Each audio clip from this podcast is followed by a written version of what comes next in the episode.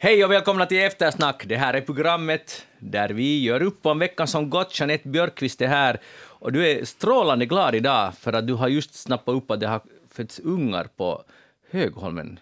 Alltså, alltså två amurtigerungar. Ja. Det är helt, alltså, det är ju fantastiskt. Alltså. På vilket sätt? Varför tycker du att det är fantastiskt? No, för att de är ju extremt utrotningshotade och sen har jag på något sätt alltså varit fascinerad av de här Högholmens tigrar och lidig i mitt katthjärta för att de verkar så förskräckligt alltså frustrerade och, och, och oinspirerade. De är ju i fångenskap. De är i fångenskap och sen har jag, alltså stressade kattdjur gör ju sådana här, såna här saker att de går i cirklar. Och den här ena, den här tigern, går alltid när jag har sett den röra sig så går den i cirklar och drar alltså med sin stora tass, heter det. Säkert heter det tass på tigern också. Sån här streck på en vägg. Och den har gått så många rundor och då har jag tänkt att, att, att de mår alltså, jag tänker att inte alls bra. Nej. Jag har sett samma Och nu har de fått ungar. i Tallins It's amazing. vad heter det, djurpark. Där var det också kanske det var ett lejon eller en tiger, jag kommer inte ihåg, men samma det där. Och en väldigt liten bur runt, runt, runt. Alltså det, är helt, det, det är ganska Ja, knäckande den- att se. Ja, men den och att vara där säkert. Ja, men den här frustrerade tigern har nu förökat sig. Kanske de har det bättre. Jag vet inte om den födde eller den andra. Det har jag inte riktigt nu koll på. Men Karin- det är otroligt fina nyheter. Karin Erlandsson har anlänt från Mariehamn. Välkommen med. Tack så mycket. Hur kom du hit? Jag kom med båt givetvis. i Med natt. segelbåt? Nej, rodd. Rodd? Duktigt! Nå, men du är här. Är det, är det trevligt att vara här? Det är alltid trevligt att vara här. Särskilt så här postpandemi så känner jag fortfarande lite så ah, storstadens eh, puls. Ja, Böl är ju liksom det yttersta Nåja. exemplet på det. Verkligen. Men roligt du är här. Jag heter Magnus Lundén, tekniker idag är Mike Grönros. Eh, Vi ska tala om veckan som gått. Eh, Det kom ju en, släpptes ju budgeten igår, en sån här som de kritikerna snabbt sa, det här var en valbudget, eh, eftersom vi har, det stundar val småningom inom, ja vad blir det, på våren 2023. Men hur skulle den där budgeten ha sett ut för att inte liksom stämplas som en valbudget? För det är ju alltså trots allt ett val på kommande. Ja, men det är så här liksom fjäskande tycker man sen. Och De var ju i A-studio igår och är på torsdagen och det där och diskuterade också den här saken, eller ja, i alla fall. Men hej, vi börjar med, uh, ska vi tala om först lilla udda detaljen, Eh, det är kanske inte så liten detalj egentligen, men barnbidraget, det ska delas ut ett extra barnbidrag enligt planerna i alla fall, och det ska delas ut den 23 december.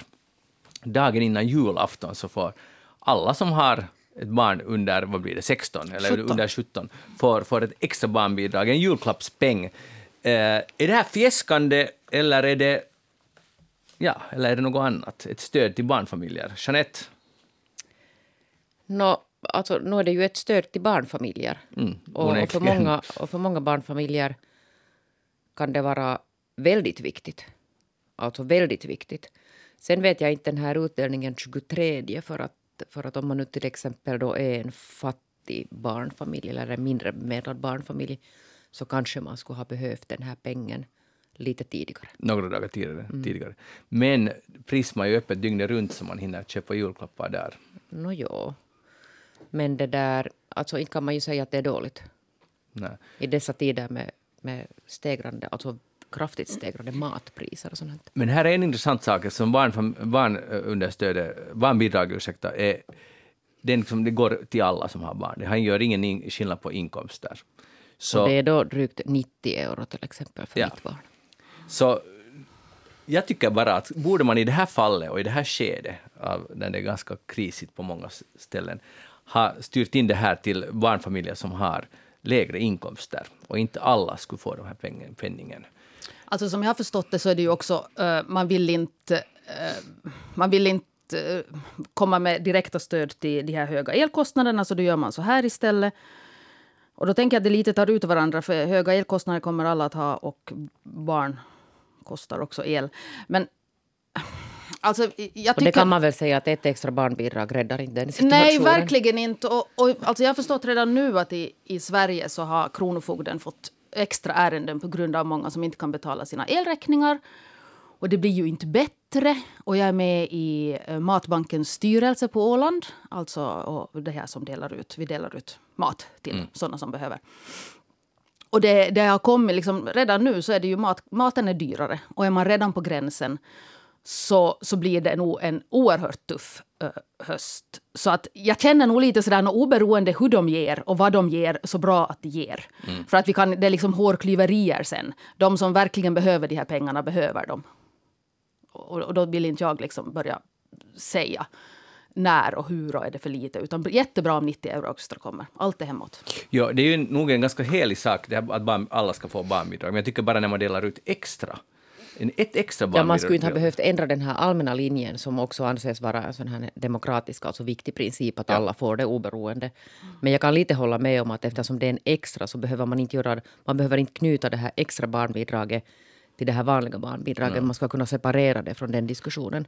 Men då, blir, alltså, då menar ni att man istället ska inkomstprövas? Eller hur, alltså att det blir Nej, no, det är ju den där sen. Det är ju sen liksom att, liksom man att det kanske bara är enklare att... Det är säkert enklare, men det, och oberoende så skulle man måste göra en enkel lösning. Ja. Och, och, för att annars, om det, det ska inte vara en ansökan till exempel. Nej. För det är många som inte då skulle få det gjort helt enkelt, för att livet krisar och så vidare. Nej, och sen vet jag inte vem skulle ha gjort den här då, att man tittar till exempel att familjer som har över 50 000 euro per förälder per år. Ja. Så kanske nu inte behöver den här och någon annan skulle ha behövt det mer. Men vem skulle ha gjort den? Nej men sen också barnbidraget är ju frivilligt. Man behöver inte ta emot det. Så att ifall man nu tycker att man har helt sjukt mycket pengar och att staten ska sätta pengar på annat så det är ju bara faktiskt att inte... Jo fast sen kommer det ju inte att komma ändå till den där sämre. Men nej, om man, nej, nej, men, men visst, så här, men man så här kan, jag vet vad man kan göra om man känner att det där, att just vår familj kanske nu inte behöver den så mycket, så kan man ta det sen när man har fått det och så ger man det till någon sån här organisation som mm. hjälper. Utmärkt. Matbanken Istället för att investera det själv, ja. och så man blir för lite till förmögenhet någon gång i livet, så ska man kunna, ja, det är en bra idé. Ja. Så att egentligen så behöver vi inte gnälla om det här. Nej, men vi hoppas Jag kan att hålla truten. godhjärtade äh, människor som har bättre inkomster och känner att man inte behöver det, så, så donerar det sen till. Slussar det vidare. Utmärkt. Tack, så löste vi det problemet. Vi går vidare till nästa. Det där, uh, det, momsen på el är ju 24 procent som det mesta här i vårt samhälle. Och nu ska det under fem månader föreslår, eller vill regeringen att det ska vara sjunka till 10 procentenheter. Uh, eller vara 10 procent. Så det betyder att uh, från början av december till slutet av april, då man nu befarar att det kan bli ganska väldigt höga energipriser, och då förlorar staten, det är omöjligt att veta hur mycket man förlorar, men beräkningen är 209 miljoner euro kommer det här ungefär att kosta. Och, det där, eh, och dessutom så ska man få ett, eh, ett elavdrag som ska kunna dras av genast, så man får ett, i, i sitt skattekort blir procenten lägre om man får det här elavdraget. Så man får liksom nytta av de här avdraget direkt. I och vem är det som ska få det här elavdraget? Uh, det är om man har utgifter för sin el mm, som är höga. Det, det, var väl lite ospecifierat, men att om man till exempel på elvärme, och det här är det som jag vill komma in på, att om man köper elvärme och har jättehöga elräkningar så kommer man kunna göra ett avdrag som syns i ens personliga beskattning. Hänger ni med? Och jag tycker det som är fräscht med det här, att det känns som ett nytt sätt att lösa en, liksom att hur får man snabbt pengar till, det är i alla fall förhållandevis snabbt, uh, för den som har ett jobb. Och i och för sig för vem som helst som, som får inkomsterstöd eller vad som helst som är skattebelagda.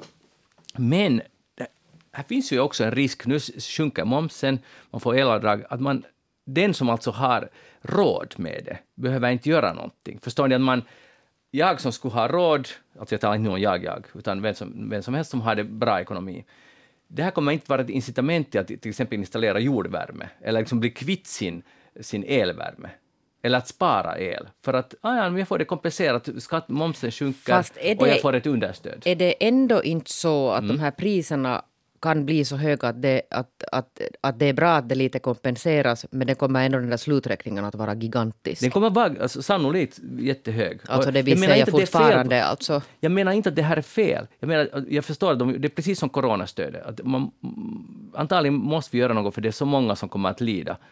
Men igen är det de som skulle ha råd att göra någonting åt hela den problematiken, att vi är beroende av, eller liksom att vi inte har gått över till grön energi i tillräckligt hög grad. Och så fortsätter man. Det finns inget incitament i det här, i de här uh, åtgärderna. Nej, jag är lite på din linje. Ja. Det är därför jag tycker det var liksom lite bättre då att komma runt då med det här extra barnbidrag och så att man lite jobbar runt själva el, för att vi måste ju fortfarande sänka uh, vår elförbrukning. Mm.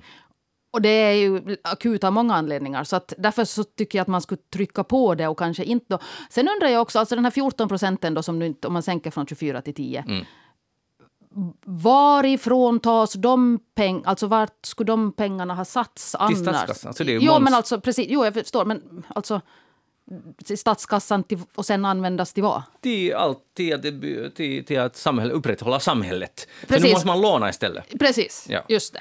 Så det, det är det som är lösningen. Så det, är- det är interesting stuff. Ehm, så ja, det finns ju också här, tidigare har regeringen beslutat att man ska satsa 240 miljoner euro på bland annat energisjälvförs- självförsörjning och renare energiteknologi som det beskrivs här i Svenska Yle. Så det finns ju, man satsar också på det.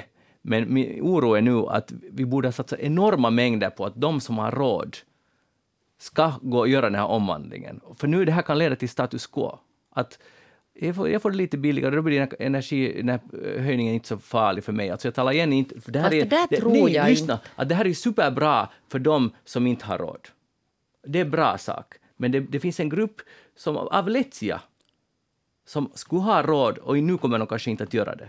Jag menar, oberoende av det här så har man ju talat om den här att det kan alltså uppstå brist på el. Mm. Så inte tror jag att det finns hemskt många som inte skulle vara medvetna om att vi behöver alltså Men det här komma vidare. motverkar, det här är just brist på el, för att, att om man sänker priset så kanske det inte leder till att vi sparar. Alltså igen, de som har råd. Men sen å andra sidan, de flesta tittar ju på sin plånbok och ingen vill ju använda för mycket energi, så kanske det, jag har fel. Jag bara- Ja, jag sen bara- tror jag att alltså jag på något sätt vill nog tro att, att den här omvandlingen redan har börjat i människors huvuden. Mm. Att nu är det till exempel, och nu vet jag ju, känner ju mest till Helsingfors, med många, många husbolag som utreder den här med, med jordvärme och det talas alltså om att installera eh, solenergi på liksom olika platser. Att, att på något sätt, jag tror att den här utvecklingen att är det har igång. Och det har inte alltså nu förstås bara, verkligen alltså inte bara med priser att göra, utan det har ju att göra med hela klimatförändringen. Jag är, lite, alltså jag är lite pessimistisk med den här omvandlingen. Och precis, alltså människan är lat. Och tar man bort en sån här, ett argument för att inte vara lat, det vill säga att man är snål, så, så kommer det att gå långt. Så jag är lite sådär att nej, jag kanske nog skulle ha pressat på. Alltså just det här att de som har råd skall göra om så mycket som möjligt. Och är de motiverade nu? Så jag är lite på din linje där nog. Men Alltså- det här är ju bara tillfälligt. Det här är bara tillfället. Men ännu om det här med sänkningen från 24 till 10, Mm. till 10, till 10 procent. Så nu finns det ju också risken att det är elbolagen som tar emellan. Alltså att, att det kommer inte att synas fullt ut i konsumentpriser. Och där lovar energiministern uh, Lintilä, heter han så? Ja. Nej? Ja.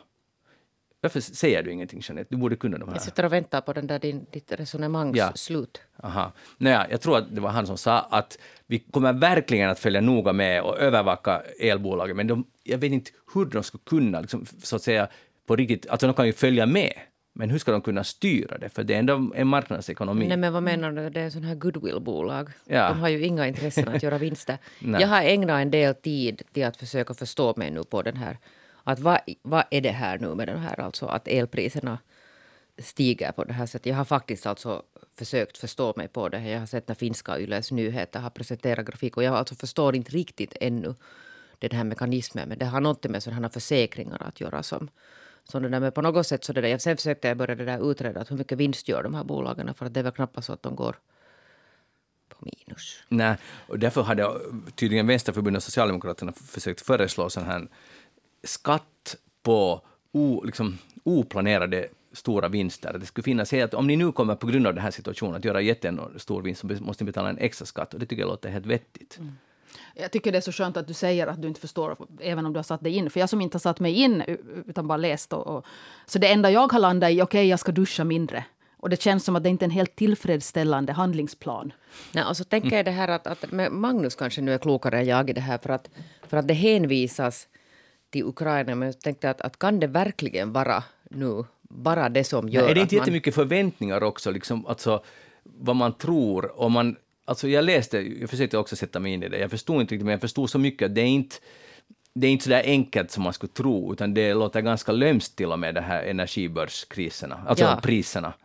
Att det, är inte, det är inte bara så där att, att nu är det krig och då går priset upp för att det produceras mindre. Det är absolut inte så. Det är mycket mänskliga faktorer här också.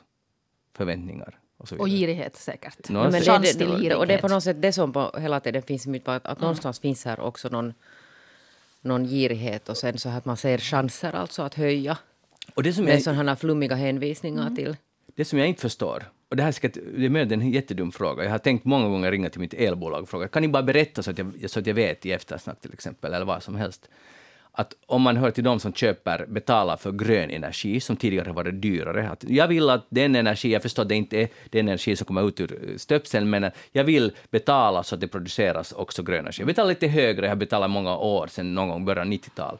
Så hur är det möjligt att också det priset skjuter i höjden, för vinden har inte blivit dyrare. Solen lyser Ja. precis på samma sätt. Och det här är säkert jättebarnsligt att tänka så här, men det borde ju, förstår ni, det Jo. borde ju vara så. Att bra att du var med från början och vinden blåser till samma pris som tidigare. Här får du el. Ja, men är den samma och det är ingenting Sen har det ju varit Ja. regel, är det inte så att de här är, alltså, den har varit, de har varit jättedyra, de här distributions... De har ju varit Mm. så att man har höjt dem alltså helt hur som helst eh, utan egentligen några förklaringar många, många år. Ja. Och det, det, det finns ingenting man kan göra där då. Man skulle ju tycka det. Vi går vidare. I eh, Ryssland så uh, Lukois styrelseordförande äh, Ravil Maganov, han föll ut ur ett sjukhusfönster, sjätte våningen, igår. Och det där, det, därför är det också lite, det är ju intressant av många orsaker, men han är alltså, det är ju Lukoil som äger Teboil, som vi har, upp, upp, vi har uppmanat här till bojkott. Uh, det som jag inte helt kände till var att det är det ungefär en, en av ytterst få ryska bolag som har gått ut ens lite mot den här invasionen av Ukraina och sagt att det här, att skulle vi inte kunna förhandla istället? Och nu föll han inom situationstecken då, eller vi vet inte, eh, men det finns ju misstankar om att det var slut. Och jag var av en slump igår på T-Boil och jag gjorde, fast jag hade i dem bojkott, jag köpte absolut ingen bensin, men jag hyrde en bil därifrån. Och då såg jag att den här effekten igen av den här bojkotten, alltså det var helt öde där. Och det är helt på dekis kan man väl nästan säga. Den där. Alltså dekis i betydelsen att det fanns inget liv på den bensinmacken. Och förut var den väldigt populär. Ganska i norra Helsingfors med i alla fall. Den här Teboil, Bruna Kärs Teboil. Ja, och man ser, jag- menar, jag blir på ett sätt glad att det funkar. Sen tänker jag att det är det ena bolaget som ens har lite försökt, så de, de faller ut genom fönstren terror, Ryssland-stil. Och så här var det exakt på 90-talet också. Det, det dog ju affärsmän och folk på löpande, det var mycket värre än nu. Uh, dog det. Man bara avrättar folk som man inte tycker om. Det- Bort med dig. Nu kan jag ju inte med säkerhet veta att han blev mördad, för nu säger de att ja, det var självmord. Men det är ju ganska många som har fallit från platser. Ja, det har blivit ett konstigt nytt fenomen. Jeanette, är du nu för, eh, med den här informationen i bakfickan, så för eller emot en fortsatt bojkott av rysk olja? För pengarna går ju ändå si- förr eller senare till ryska statskassan, fast det är ett privatägt bolag i det här fallet. är, alltså det där, alltså jag är ju nog på något sätt, jag tycker ju om sån här boj, att bojkotta saker. Ja, men det är så sällan det funkar. Alltså strejk och bojkott är liksom på något sätt nog min sån här själslandskap. Och du tycker om att liksom bråka helt enkelt. Ja, på något sätt så, ja. Ja. Hur är det med Kari med dig? Jo, alltså jag, jag, jag är också sådär, eh, lite sådär att jag skulle kunna limma fast mig med handen på en tavelram jag också. Sådär. I- i en vadå, Eh, du? På en det var bra. tavelram. Ja, ja, det ja, här. jag är med, jag är Jo, med. ja, men Nej men slut, det var ju löjligt. Okej, men nu pratar vi inte om det, utan vi pratar Ja. om det bara. Men det som du, du, du... Alltså det är just det där att det blir så komplicerat, för sen får man mera info och så visar det sig att aj, den här var lite, det var lite knepigare än att jag bara kunde bojkotta. Ja. Och så står man där igen och det som det landar i alltid är ju att man inte gör någonting. Och det är nu sen kanske riktigt det värsta. Men jag tycker att det här sätter precis liksom fingret på problematiken att man skulle så vilja demonstrera och man skulle vilja bojkotta och man skulle vilja göra saker och sen visade det sig ändå att nåja, det var svårt. Det var inte alls så enkelt som jag trodde. Ja. Eh, Ja, och det, Men det där är därför det är jobbigt att ta reda på saker. Jo, men där Jag är skulle vilja vara ändå- tonåring på nytt och Men är är där inte alltså just den här din poäng, alltså det vad du sa att i slutändan hamnar de ändå Jo. hos ryska staten. Det är på något sätt där Man det man behöver titta Ja, på. ja. Jag tycker, ja absolut, och jag, jag tycker att absolut att den här bojkotten måste hållas. Alltså, aldrig, när, jag vill bara berätta hur jag gjorde då. Jag hyrde den här bilen, och, då, och det borde jag kanske inte ha gjort, men det gjorde jag nu i alla fall. Jag hyrde bilen. Men sen, när, sen är det ju så att man ska tanka den när man kommer tillbaka. De tankar där. Men sneaky som jag var så får jag via norska oljan eh, en annan bensinstation och fyllde den färdigt. Så de- fick bara 1,41 av mig. Och hon sa lite besviket, att du har tydligen tankat den. Så att, ja, tyvärr var det nu så den här gången. Så inte var det glada mina ingenstans. Men bilen rullar helt bra. Och lite revolution är också revolution. Du Ja. tankar på annat ställe. Faktiskt liten i det här fallet. jätte- 1,40 revolution. Ja, eller de fick 1,40. Den andra fick 9,70. Så det var sådär fördelningen. Hej, eh, de, de har haft på Åbo Akademi har de haft en sån här övning. Krisledningsgruppen har haft möte och någon form av övning, om jag förstod rätt. Jag läste det här på Svenska Yle. Och vad, vad händer när elen inte funkar? På tal om kriser och så vidare, och elpriser, och om, eller om det blir hackat hela Åbo Akademi. Och då säger akademidirektör Heidi Backman säger så här, så här att om det nu skulle uppstå den här situationen, i sista hand får man ta till papper och penna och apostla hästarna. Så man måste till och med ha beredskap för att fysiskt få ut budskapet. Det här är naturligtvis mycket svårare än om man kan nå ut med sitt budskap via digitala informationskanaler, säger Backman. Jag tänkte på det här, alltså om det på riktigt skulle hända i vårt samhälle att allting slocknar, om vi inte har just, eller vi blir hackade någonting, till exempel Yle eller vad som helst, ett sjukhus, det är ju det värsta, men där har de reservgeneratorer, kanske de har på Yle också. Men i alla fall någon sån institution som Åbo Akademi, och ändå måste man få ut informationen, vet föreläsningen är inställd. Så hur gör man? Jag tror att vi inte alls vet. Alltså hur gör man? Men man skriver en lapp och så hänger den på dörren. Good thinking. Men- Good. Du borde ringa till den här gruppen och säga, har ni Ja. tänkt på det här? Men det kanske inte var det slags budskap Nej. man behöver få ut. Det är ju alltså viktigare saker. Man, Alltså då i januari eh, 2019 var det väl, då Alfrida blåste över Åland, så var vi ju utan el eh, länge. Eh, och stora delar av Åland länge. Och då var det just sådär, nå- alltså rent krasst. Jag var bokad till en yogaklass. Eh, ja, exakt. Nu är det kris. Och jag Alltså, sk- skulle du gå yoga skulle du dra yogan? Nej, jag skulle, jag skulle vara på yogan. Okej. Och jag for dit, för jag var, hade inte riktigt ännu förstått stormens omfattning eftersom jag bor i Mariehamn. Så får jag dit och där stod vi ett gäng och var helt sådär jätteförvirrade. Och sen kom ledaren efter ett tag som kom från norra Åland och sa ingen ström, allt ligger nere, men hon har tagit bilen för, dit då för att berätta. Och då var det en i sällskapet som var jättesur, men skulle du inte kunna sätta upp någonting på Facebook att det var sent? Att det inte var inställt. Och då var det så att nej men det funkar ju inte. Alltså det är just det som var grejen nu, att det funkar inte. Men ändå den där instinkten är hela tiden. Ja. Att jo, jo, okej, elen funkar inte, men kan du sätta upp på Facebook liksom? Det är ganska intressant. Det är jätteintressant. Och, och just att man tänker inte att Facebook går ju faktiskt på el. Det, det är ju Ja, alltså så. för, för, att, för så att inget funkar för henne. Nej. Det, ja. Men så vi har, vi har inte alls någon beredskap. Det är inte bara yogaklasserna i Mariehamn som inte har beredskap, jag tror att, eller jag vet, att vi skulle vara helt blåsta. Men jag har väl berättat, visst har jag berättat i den här, jag berättade på nytt för det är en så trevlig historia alldeles nyligen. När jag var på ett stort shoppingcenter här i närheten av Buri, Yle. Vilket kan det vara? Ja, Ja. nå. Men i alla fall så hände det någonting i det här shoppingcentret så att elen alltså avbröts. Bara för en kort stund, men tillräckligt för att slå ut alltså allting där. Alltså alla kassaapparater, precis allting. Bara liksom så att säga stärva. Och jag stod då i en, en lång kö i en sån här klädbutik och hade några viktiga saker som jag skulle skaffa åt min dotter. Och så började de ropa att, att cash only, cash only, att, att det går inte att betala med kort. Och sen såg jag hur den här långa kön bara fum. Men vem kunde gå med sina kontanter och betala? Det är som prepper, du är, liksom, du är Ja. redo för det här. Jag var så, Ja. alltså jag var så, alltså det, det var så tillfredsställande för att man blir anklagad för att vara gammalmodig och helt out. För jag har alltid alltså kontanter. Ja. Jag på något sätt tror på det här, att jag, jag förstår det här att det kan hända det att hela alltså kortsystemet sätts ur spel. Mm. Och då måste man ha alltså kontanter, förstår ni. Ja, det är ju gammalmodigt. Men det, Ja, det är men något fel på det. Ja, men vet du, sen när det, vet du, när det här moderna samhället slås ut så är det vissa gammalmodiga saker som man måste kunna. Och jag, jag tänkte du skulle Som säga, så att det är bara vissa på- gammalmodiga som överlever. Nej, ja, men alltså vi som har vissa sådana här kunskaper. Men det är nog ett sluttande plan den här med prepper-instinkten Mm. som man hade. Jag tyckte det blev tydligt här nu då i våras då man ändå blev lite sådär att okej, nu vad gör vi om ryssen kommer? Mm. Och, och de flesta var ju sådär att när jag får ut på stugan, jag var också sådär, jag får ut på stugan för där finns utedass och där finns äh, äh, vedeldning och, och alltihop, att där kan man ha det ganska bra. Men sen börjar man säga okej, okay, men vi, vi har inte bensin i bilen, så börjar jag liksom tänka sådana här katastrofscenarium. Då måste jag ju liksom börja, ska jag konka dit då på cykel på något sätt, hela matförrådet? Nej, men då måste jag ju ha matförråd där också. Och så måste du få maten någonstans Och så måste ifrån. jag få ma- men om jag har köpt den före och så måste jag liksom ha, så mitt i, alltså jag var liksom så här, okej det här är nu ett slottande plan, snart gräver jag bunker på stugan och har matförråd. Hur långt ska man gå? För att tänker jag mig att jag ska till stugan så måste jag också tänka mig att det finns mat där. Jag kan berätta hur långt jag har kommit. No, hur långt har du? För, eh, jag, f- förut så satt man och tittade på preppers i USA som just bygger bunkrar och, och skrattade gott och tyckte det, här, det där är ganska patetiskt.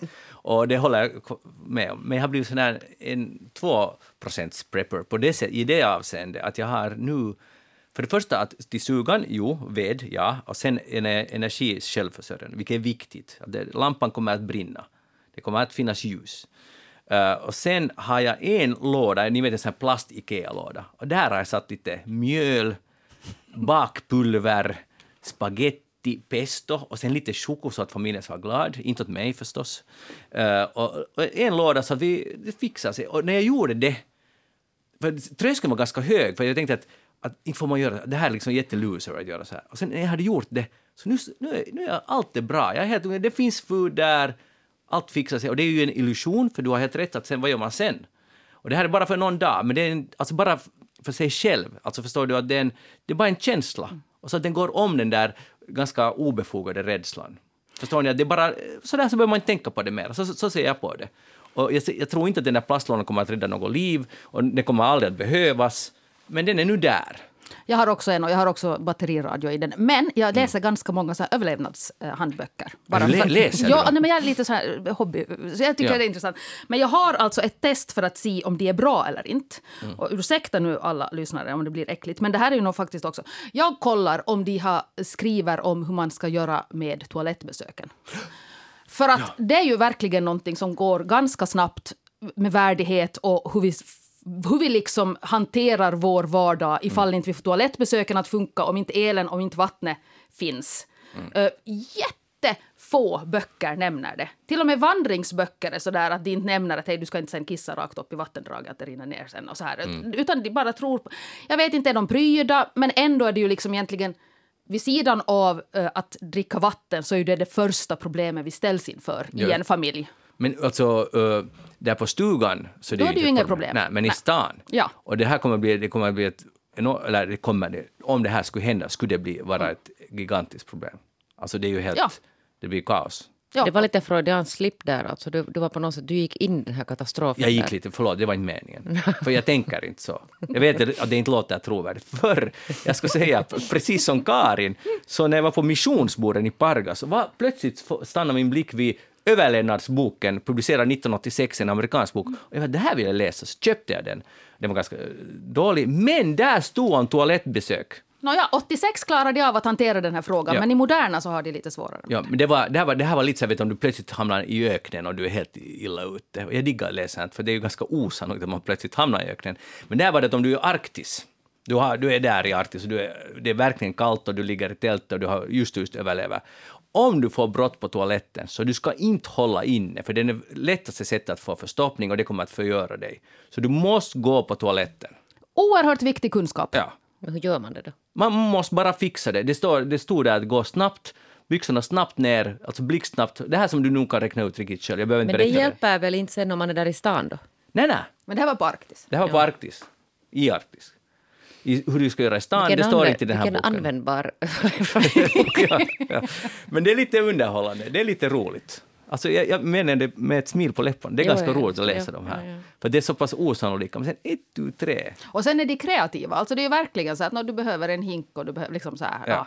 En hink behöver du, en Nå, en tunna. hink behöver. Och sen eh, om man har gård så är det jättebra med, med eh, presenning så kan man få privatliv. För att det är en sån här sak som jag tror att skulle vara ganska viktigt att man skulle känna.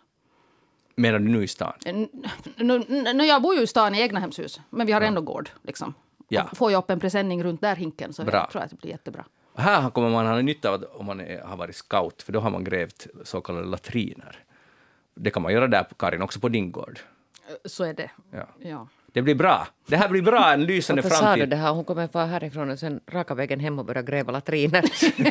Hej, borde vi byta böcker? Kan du ta nästa gång du kommer hit? Absolut. Så, så Jag du kan tar få min... så med. Ja. Ja. Vitsen, det här blir bra. Yes. Jeanette Björkqvist, vad har du tänkt på den här veckan? Alltså det har jag tänkt i många, många, många, många år på att, att, det där, att om jag skulle byta bransch, vilket alla journalister alltså tänker regelbundet. Tänker de?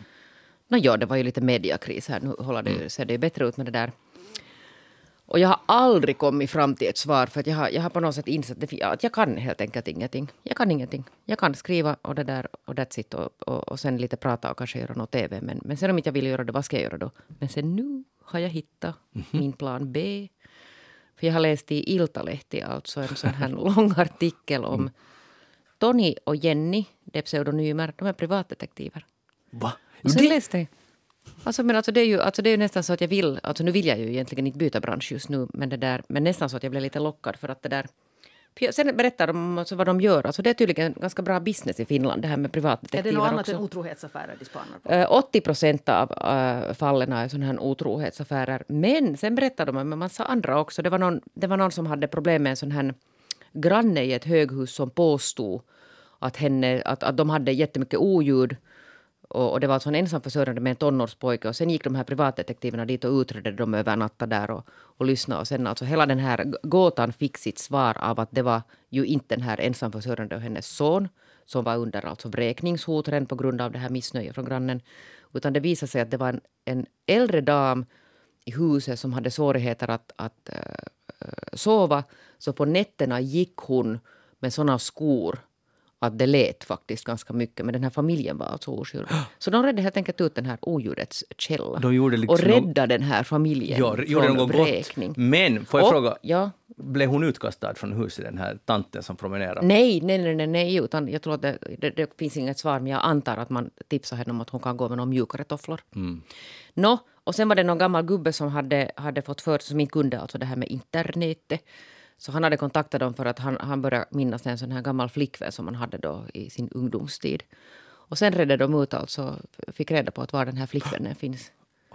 Massa sådana här, det är ett ganska roligt jobb. Jag kan säga, och med handen på hjärtat, Att du skulle vilja vara. nej, Nej. Det här är ett jobb för dig. Eller hur? Ja, jag vet. Och sen säger Ja. han det där, han, frågar, han säger sen att det är många som drömmer alltså om det här. Om det här. Och då ska man säga att, att om man vill starta, alltså, att man vill liksom lite testa att, att, att skulle jag kunna göra det här, så då säger han att man ska gå till ett, till ett där eh, höghus, så ska man sitta i trappuppgången i sex timmar. Och så ska man det där stirra på en dörr. Och, och sen ska man titta att vad händer sen. Där rör ju sig andra människor. Att hur förklarar man sin närvaro? Och, det där. Och liksom, helt enkelt alltså träna på att stirra på en dörr i sex timmar. Men varför ska man göra det? Men för att alltså helt enkelt bara lite träna att, att fixa jag det här. Att vara Hur en privatdetektiv. Ja, hur hanterar jag vet du, människor som kommer? Hur förklarar jag? Hur lyckas jag smälta in? Och sen när man har gjort det så går man eh, nästa dag och gör samma sak. Hur- Och klarar man det här Mm. så då har man liksom potential att bli Hur länge har du varit journalist? över 20 år. Ja.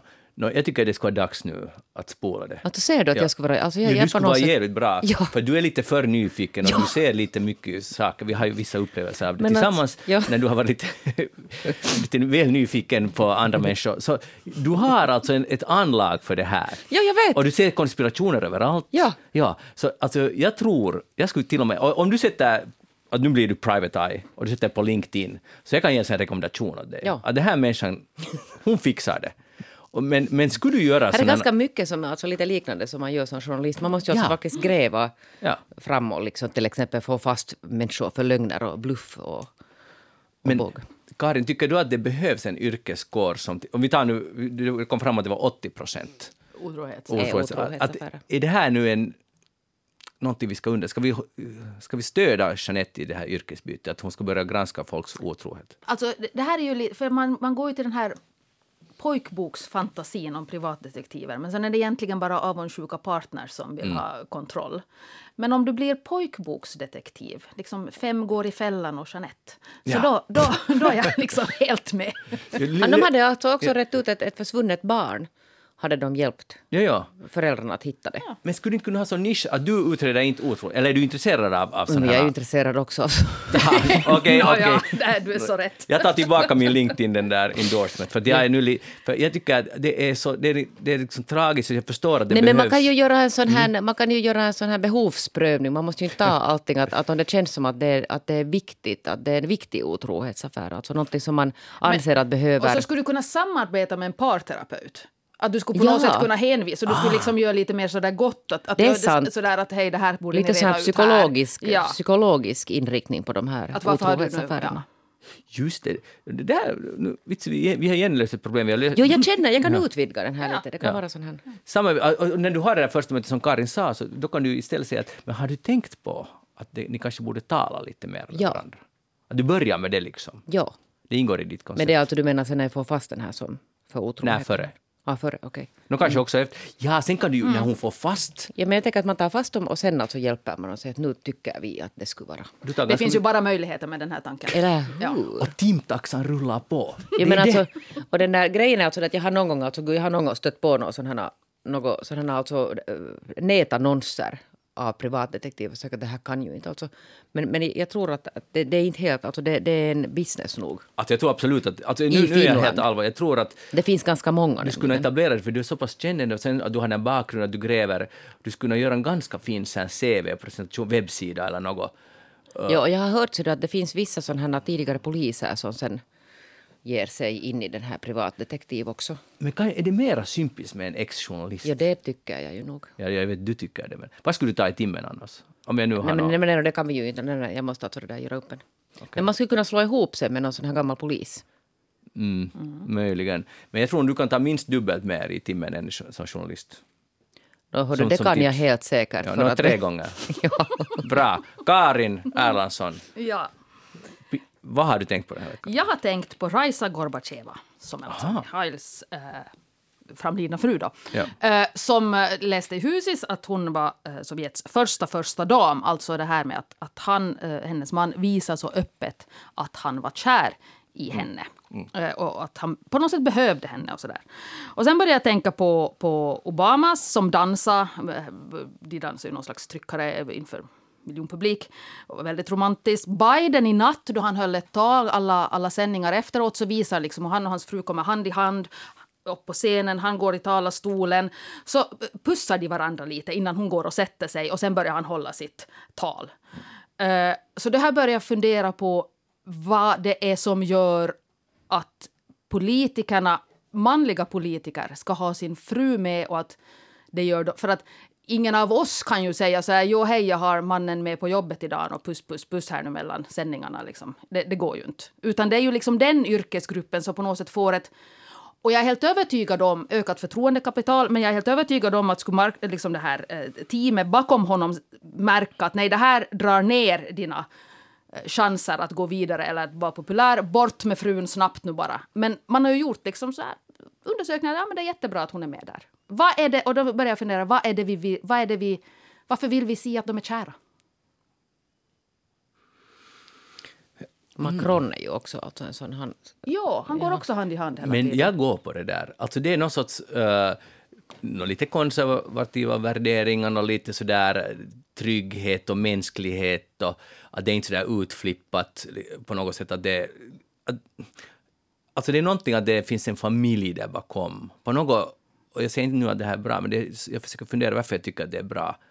Eller inte vet jag om jag tycker ens att det är bra, jag tycker att det är ganska dåligt, men för man blir ju manipulerad som du säger.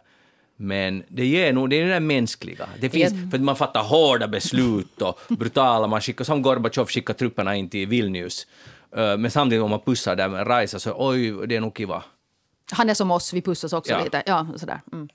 Men nu är det ju sant att det påverkar på något sätt bilden av en. Om man tänker den här Donald Trump så kommer ni ihåg när han släpade. Ja. Och där var det ju ingenting utan hon alltså följde ju efter och, och det var, Ja. det var ett, liksom, distans mellan dem och det var Hon ingen... log aldrig. Nej, alltså det var, ju, det var ju hemskt att titta på. Så att, att nu får man ju på något sätt en annan bild av en människa. För att det fanns ju ändå något försök att hon skulle vara med Ja. på vissa tillställningar. Och För det fanns, hör till i USA. Och det fanns, alltså, det fanns ingenting sympatiskt, ingenting harmoniskt överhuvudtaget. Alltså de, jämfört då till exempel med Biden som ger en push där åt frun. Men det, jag tror att du är någonting på spåret, för att i, i Trump så där ville man se bevis på, för att om inte ens hans närmaste kan tåla honom, liksom, så, så som det verkar i alla fall, eller en del av dem, till exempel frun, så då får man känslan av att det är någonting som inte står rätt till med den här killen. Men om man ser Biden um, pussas så kanske man går på det, att, att, Ja, det att hon på- litar på honom och han litar på henne. Och, Ja, men på något sätt så får vi ju vi får på något sätt det största förtroendebeviset. Alltså du har någon som är kär i dig. Ja. Då måste du vara en bra typ. Precis. För att då, liksom, om man är kär i någon så är man ju, då har man liksom visat alla sidor av Mm. sig. Och du har ändå någon som, ja. jag håller med. Ja, då har man några känslor Ja, då har dessutom. man, precis, man, ja. Alltså, jag tror att det är absolut det där. Det är nu, nu, du knäckte koden. Det är det som man... går- Ja, att då tror man på den där människan. Så varför ser vi inte Sanna Marins man överallt och varför pussas inte hon innan varje pressvisning? Ja. Jag- jag- är det för att jag- hon är kvinna? Ja. Jag är jätteglad att jag höll igen nu med vad som tänkte komma ur min mun. Men vad var det du Nej. tänkte säga? nej, nej. Har det någonting med hennes man att göra? Mm, Nej, det har att göra Med teater? Med teater. Ja, det har någonting med teater. Men håll truten. Ja, helt ja, enkelt. ja, det var det bra, jag sa. bra. Det där, eh, mm, ja, men är det för att hon är kvinna? Hur- Vi tänker på våra eh, de politiker, men inte, inte har vi ju heller, vem, vilka manliga politiker i Finland visar hela tiden upp sin Nej, nu skulle jag bli jätteförvirrad ifall Niinistö mitt i allt skulle börja pussa på sin fru. Jag Nej, tycker de- inte att det passar Men. Jenny är Nej, ju en profil. Men de Ja, är hon är en profil, men de, de pussas ju inte. Nej. det är just det att, att de rör ju sig nog mycket tillsammans, men där finns nog inte heller, där lyser det, bubblar inte kärleksvågor ur Inte. dem. Ja, ja. Men det kan, mm, Men jag tror att det har med deras personlighet att göra. I Men hur- Finland kanske det nu inte riktigt sitter så på det sättet så bra att man Det håller känns på. lite obekvämt. det här med man är mera politiker och liksom håller privatlivet separat. Nu är det ju så. Så det gäller både män och kvinnor. Men har vi något har vi nå bevis på att kvinnliga politiker i stora världen inte drar fram sina män? Hur var det med Thatcher till exempel? Eller hur är det med hon Arden i Nya Zeeland? På, där vet jag faktiskt inte hur mycket är... Pussas de liksom? Ja, pussas, de på scen? Ja, det vet, jag vet jag inte. Jag skulle tro att det är lite mer det där manliga. Och sen Ja, alltså- frun där på sidan om. Alltså kvinnan har ju från, från början en helt annan... Eh, alltså hon, hon har ju ett större intresse av att visa sig hård än mjuk. Så då kanske man inte börjar. Mm. Nej, precis. Så det är ju helt olika utgångspunkter och olika saker de behöver eh, nyansera. Exakt, för mannen har inte det behov. Ja, ja. Eller mannen, mannen måste visa sig vara mjuk i de här hårda besluten. Ja. Kvinnan måste visa sig vara hård, för man kan misstänka när hon är en kvinna att hon är mjuk. Ja, Precis, hon tänker med livmodern, det vet man ju hur det är. Ja, och då går det som det går. Ah. Ja, intressant analys. Men vad är din slutsats? Skulle du vilja se mera pussande? På scen, Ja, sådär. i Finland till exempel. Nej, alltså så- det skulle kännas väldigt obekvämt. Men eh, jag tyckte eh, Barack och Michelle Obama så trodde jag på. De är kanske men- de enda som jag har varit sådär att okej, men ni är ju kära på riktigt. Jo, vet du, jag trodde på dem också. Ja, jag tror precis. fortfarande på dem. Men jag, så också, jag har vissa par som är sådär att okej, men ni får inte skiljas för då slutar jag tro på kärleken. Och de är såna, och, och Jonas Gardell och Mark Levengood är en annan, att de får inte heller liksom. Sen är det flera som har gjort slut och då har jag liksom slutat lite tro på kärleken. Men hur mycket har du slutat tro på kärleken? Alltså där nog att det har blivit lite skev. 30 procent? Ska du ha det i procent? Nå, Ja. 20 ska jag säga. Men Ja. en dipp på 70 då det hände. Aha. Och sen liksom. Och sen växer liksom det och reparerar sig själv. Precis, lite. ja. De måste hitta nya par. Ja, jag förstår. Uh, Okej, men nu hoppas jag att inte Obamas, för hur mycket far då? Om de skulle skilja? Ah, det- Nej, men då är det nog fråga Men om de ifall... skiljer och inte båda sig. skriver sina memoarer att hon var helt pisshuvud och han, han var ett pisshuvud. Nej, nej, nej, nej, nej, det kommer inte. Men för, för, vi talar just om att man måste preppa för allting. Om det här händer, hur mycket pro- Ja, men jag procent? preppar inte. Ser du. Nej, du gör. Men Karin? Nej, men det får inte ens hända. Alltså, det, det, gå inte den vägen. Okej, men som tur var har vi då Jeanette som konsult och hon kommer att stoppa det här skilsmässan före den sker. Jag utreder Ja. vad som är på gång där. Om det är någonting som, som är lurigt där. Så. Michelles eh, otrohetsaffär. Ja. Hej, hur är det på Åland? Finns det mycket ved? Brännved? Jag har inte hört överhuvudtaget någon som oroar sig för det. Nej. Inte? Nej. Men ni har ju inte så jättemycket skog heller, eller hur är det riktigt? Eh, Finns det ved tillräckligt på Åland? Alltså, vad alla har ju liksom sitt eget förråd med ved, Mm. inklusive vi. Och jag har inte upplevt att det skulle ha varit... Men nu kommer jag ju in i en familj som har lite skog och marker. Så vet jag, nej, jag kan inte tro... Nej, det har inte varit en rad om detta i någon tidning. Intressant, för både i Sverige och på, i riket är det mycket snack, snack nu. Jag ville följa upp, för vi talade förra veckan om det. Och nu har mm, Mats Andersson på, i Kyrkstedt blivit intervjuad i, på Svenska Yle. Och han, är, han säljer ved och, och, och han är jätteknäckt. Veden är slut. Och, och han säger att det finns ingen solidaritet mellan vedköpare. Att alla hamstrar, det är precis som toalettpapperna pappret i, här i början av coronakrisen. Att folk köper för säkerhets skull mycket mer än de har gjort tidigare vintrar. Att det på något sätt Och som, mycket mer än vad de kanske behöver. Ja, Men ändå är det mer rationellt än toalettpapper. det är sant. Ja, ändå, det måste man ge Men det är samma fenomen. Ja, precis. Det är sant för att uh, toalett, det klarar man sig till exempel med tidningspapper. Jag menar, det, det, det, vi klarar det. Men om man fryser, det är inte bra. Så, så det är inte ändå riktigt samma sak. Men uh, har ni någon hälsning till de som nu hamstrar ved? Som hade, ja just det. För han är alltså, på riktigt, alltså, nu finns det inte ved för dem som vill ha ett lass för att kunna myselda ibland. Andra har hamstrat och köpt upp allt. Då är det förstås så att det är ju inte så farligt om man, om man lite mindre mys. Det är dåligt, men det är ju inte riktigt illa. Men uh, i alla fall, Att folk tänker sist och slutligen alltid på sin egen, sig själv, och det är ju så, sådana vi är. Men har du Jeanette Inte några... vet jag, är, är alla nu sen såna, en del är såna. Okej, en del. Inte var väl, vem, vem av er var och hamstra och knuffa undan eh, äldre damer och herrar från toalettpappershyllan? Jag, jag hade inte ens förstått att det var det man skulle... Jag missade hela Nej. längden. Det var, liksom, det var ju löjligt. Men jag tittar och jag tycker att det är sådana social, vad heter det, socialpsykologiskt intressanta experiment sådana saker. Just att, att där, där ser man sen vad som händer. Ja, och hur man beter sig. Jag såg, Ja. i, jag såg genom fönstret en gång i ett höghus, såg jag på andra sidan gatan, de hade hela balkongen full av toalettpapper, den där våren 2019. Och då tänkte jag att hur mås det riktigt där på andra sidan? Alltså helt allvarligt. Alltså, vad, men det är ju, jag tror att det handlar ju om det att man vill Eftersom man inte kan kontrollera allt, så det här kan man kontrollera. Att Men jag har det- toalettpapper i alla fall. Jo, men där är alltså, det är någonting alltså, jag tror att det är någonting, du, du är något på spåret med det här att, att det här är liksom inom många människor, så alltså det här innersta väsen kommer fram i sådana här situationer. Man hamstrar alltså då till exempel, man tänker bara på att, att nu jag så här. Men, men det är någonting, alltså, jag har gjort sådana här studier av, av människor i till exempel vet ni sådana här, de här båt, Sverigebåtarnas bufféserveringar. Så där, är också, där händer någonting som jag tycker att är mycket motbjudande. Vet ni, att man trampar över barn. Och, och liksom på något sätt... Och det är kanske inte så jättevanligt man trampar Nej, men jag, råkar, alltså, jag har nu var, inte varit på många, många och vi råkade vara nu i somras med min dotter där och jag var helt alltså chockad. Så att jag kommer aldrig mer att gå på något sånt. Men det har ju sen ändrat. Det eh, rederi jag eh, åker med, så efter coronan har de börjat... Eh, varmrätterna är färdigt placerade. Alltså det, man tar inte åt sig, utan det Då är åker jag med ett annat rederi. Men i alla Ja. fall, förstår ni, och det är samma sak alltså, man tittar alltså, bland journalister också. Eh, Det fanns en sån här tradition i tiden att, att där eh, kulturredaktörer la ut sina gratis bok, eh, gratis böcker, som recensionsböcker. Och så fick man gå och hämta gratis. Och där händer också någonting. Men när människor liksom rusar alltså och, och, och, och river åt sig själva och ska ha saker. Så där, det, det är något jag tycker att, att, att sådana som, som känner igen sig i att man beter sig så här så behöver gå lite in i sig själv och Jo, men jag känner mig, alltså dessvärre känner jag mig lite igen i det där. Jag har en sån absolut Ah, du har- du är en tendens som är liksom så här... Ja, som jag jobbar aktivt med, för det är inte snyggt. Tar du Nej, armbågen konkret framåt, liksom, åt sidan? Uh, nej, men alltså i, i somras blev jag faktiskt osams med en tjej i en eh, kö. För hon gick före och hävdade Ja. att jag gick före. Och vi var nära handgemäng. Men kö, Yes, kö är alltså se. en sak, men förstår du det här att, att, att roffa åt sig saker? Det är den där Ja, liksom, ja, ja. roffa åt sig, roffa åt sig ved eller toapapper eller gratis Mm. böcker eller vet ni Men det är buffébordets nog lite överflöd. samma, liksom, så här, att jag ska vara först, jag ska mest. Alla, alla de här hade gemensamt att det finns, det skulle finnas tillräckligt åt alla. Ved Ja. finns, uh, toalettpapper fanns och finns. Uh, kön egentligen också spelar ingen spelar roll. ingen roll i det stora livspusslet. Så alla de här sakerna är helt onödiga. Ja. Men ändå kämpar vi där som om det skulle vara yttersta dagen.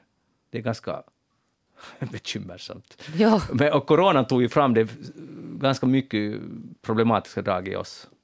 Människor. Ja. men jag har också tänkt på hur jag skulle vara om eh, Titanic, båten sjunker. Mm. Är jag den som öppnar dörren för andra och hjälper barnet som snubblar eller är jag den som hoppar först i livbåten? Mm. Jag vet inte om jag vill veta helt enkelt. Nej, men vet du vad, du kommer aldrig, antagligen aldrig att få veta. Och en annan sak, jag tror att man aldrig kan veta hur man ska bete sig. Man kan ju Nej. inbilla sig att jag är en hjälte, men inte har man någon aning om hur det, sen när det händer den situationen, hur man riktigt... Precis. Men på något sätt så måste man ändå hålla i minne när man, när man tänker så här att man börjar hamstra eller roffa åt sig eller så här och, och inser förstås att så måste, måste ju alla inse att det är klart att, att sen tar veden slut och sen blir någon kanske också någon annan än, än de som behöver mysvärma. Alltså någon som på riktigt behöver ved Ja. i sitt hus blir utan. Alltså att, att om jag får för mycket så får någon annan för lite. Att, att inte kommer vi någonsin att överleva en enda kris om inte vi är tillsammans och gör det här. Det. Man kan inte bara tänka på sig själv, då går man under. Det, det, det liksom bär inte. Och dessutom så, jag tror att man inte var så bra om man bara tänker på sig själv. Nej. Och alltså på riktigt, man, det, det bär inte sig igenom. Nej. Men ett gott råd är nu att installera nu den där pelletsugnen istället. Det finns gott om pellets att köpa, det är extremt miljövänligt och då har man det här, man har inte det här problemet. Så nu är en bra tid, man kan till exempel installera en pelletsugn eh, som också funkar med vanlig ved. Det här är en investering som kommer att löna sig. Så det är en, ett Magnus-tips här. Hej, ehm, jag läser om ett ålderdomshem i Japan där de har kommit på att, för det finns jättemycket ensamma eh, äldre personer i Japan, och speciellt då på ålderdomshem där det, det händer absolut ingenting. De har tydligen väldigt lite program. Och så har någon hittat på att de ska ta barn dit. Så nu är det massa barn och bebisar som går omkring. Deras enda liksom jobb är att gå i korridorerna. Och alla är lyckliga och glada. Bebisarna, eller barnen är glada för det är så att gå fritt omkring är tydligen inte så vanligt i Japan och sen äh, träffar de massa nya människor. Alla smilar, alla är happy och de får lite, föräldrarna till barnen får lite blöjor och lite lunchkuponger, men de får ingen lön. Men de får lite så här fördelar, mindre fördelar. Och de här uh, äldre personerna var en 85-åring som var helt lycklig. Att jag har nog barnbarn, men de träffar jag aldrig. Eller väldigt sällan. Och istället träffar jag de här typerna som går omkring. Har ni, är det här något vi borde införa i Finland? Jag tror att det till och med har gjorts. Alltså vissa Med barn, sådana- alltså djur har jag läst om. Men, Jo, men alltså det här är också dagisgrupper till exempel bes- besöker alltså. jo, men det här är helt regelbundet. De Jo, är där. För att det där, det är ju helt fantastiskt. Det är ju så här det borde vara. Jag har aldrig förstått det här att varför kan man inte alltså mera integrera? För det finns dessutom, eh, barn brukar i regel tycka jättemycket, det är roligt för dem att träffa äldre människor. Mm. Och äldre människor, alltså barnen blir glada, äldre blir glada. Och, det där, och jag har aldrig förstått att varför kan man inte alltså på riktigt börja utveckla det här till något. Ja, Mm. för det är ju samma på något sätt. Det är ju samma som alltså kommunen som har hand om båda verksamheterna. Så man skulle bra kunna ha det på samma gård. Alltså att man har dagis Ja. ena sidan, ålderdomshem och så har vi samma gård och så spring. För att jag tror också, alltså just det där att man bara besöker och så står man och sjunger en sång. Mm. Så det tror jag liksom inte på. Utan jag tror just att det ska vara så där att man går Möten. omkring, möten på riktigt Ja. och vi är jämlika och vi uppträder inte och ni är jättegamla, oj oj oj oj. Utan det är liksom att man möts. Och vissa tycker man om och vissa tycker man inte om för så är livet. Och så, så hittar man sin kompis där. Och, ja. Nej, det där är jättesant för att ni- det finns en tradition med Lucia. Mm. Och, och det är fint och det är i stunden fantastiskt. Men det är ju en timme och sen kommer de nästa gång om ett år oftast. Att den här regelbundenheten. Och det där var en superbra idé att ha det på samma gård för att Alltså jag tycker redan nu, när jag inte själv har småbarn, tycker det är ganska eh, så att säga sistig att titta ut genom fönstret och titta på barn som till exempel leker. Mm. Eller man tycker yes, att, liksom- jag får en sån här, det här är bra, fint, och bara titta på dem. Så tänk så mycket de skulle ha att titta på. Och sen är det också, tycker jag, ett problem att barn idag inte ser äldre människor. Ja. Ja, Alltså att så här är man, så här blir man. man lär sig, men, men alla generationer, vi ska ses allihopa. Så att, det är väl en jättebra lösning. Det där. Bra, utmärkt. Spelar ni ofta Monopol? Det där, jag är ju inte så bra på det här med brädspel. Är du inte? Nej, blir Kastar så... du saker? Jo. Har du blivit aggressiv? ja. Oj nej. Karin? Alltså just nu vi har faktiskt ett pågående monopol, men det är Sagan om ringen-monopol som är på, pågående. Sagan, hemma. alltså det betyder det, det är helt samma spel? Det är helt samma spel, men det är liksom de här uh, orterna, vad ska Ja. man säga, som är där då. Jag vet vad du menar. Vi har ACDC. samma Ja, men, sak. Ja, ja, okej. ja, ja. som pågår just nu. Eh, Resten av familjen har spelat det eh, hela månaden, men jag har inte varit med.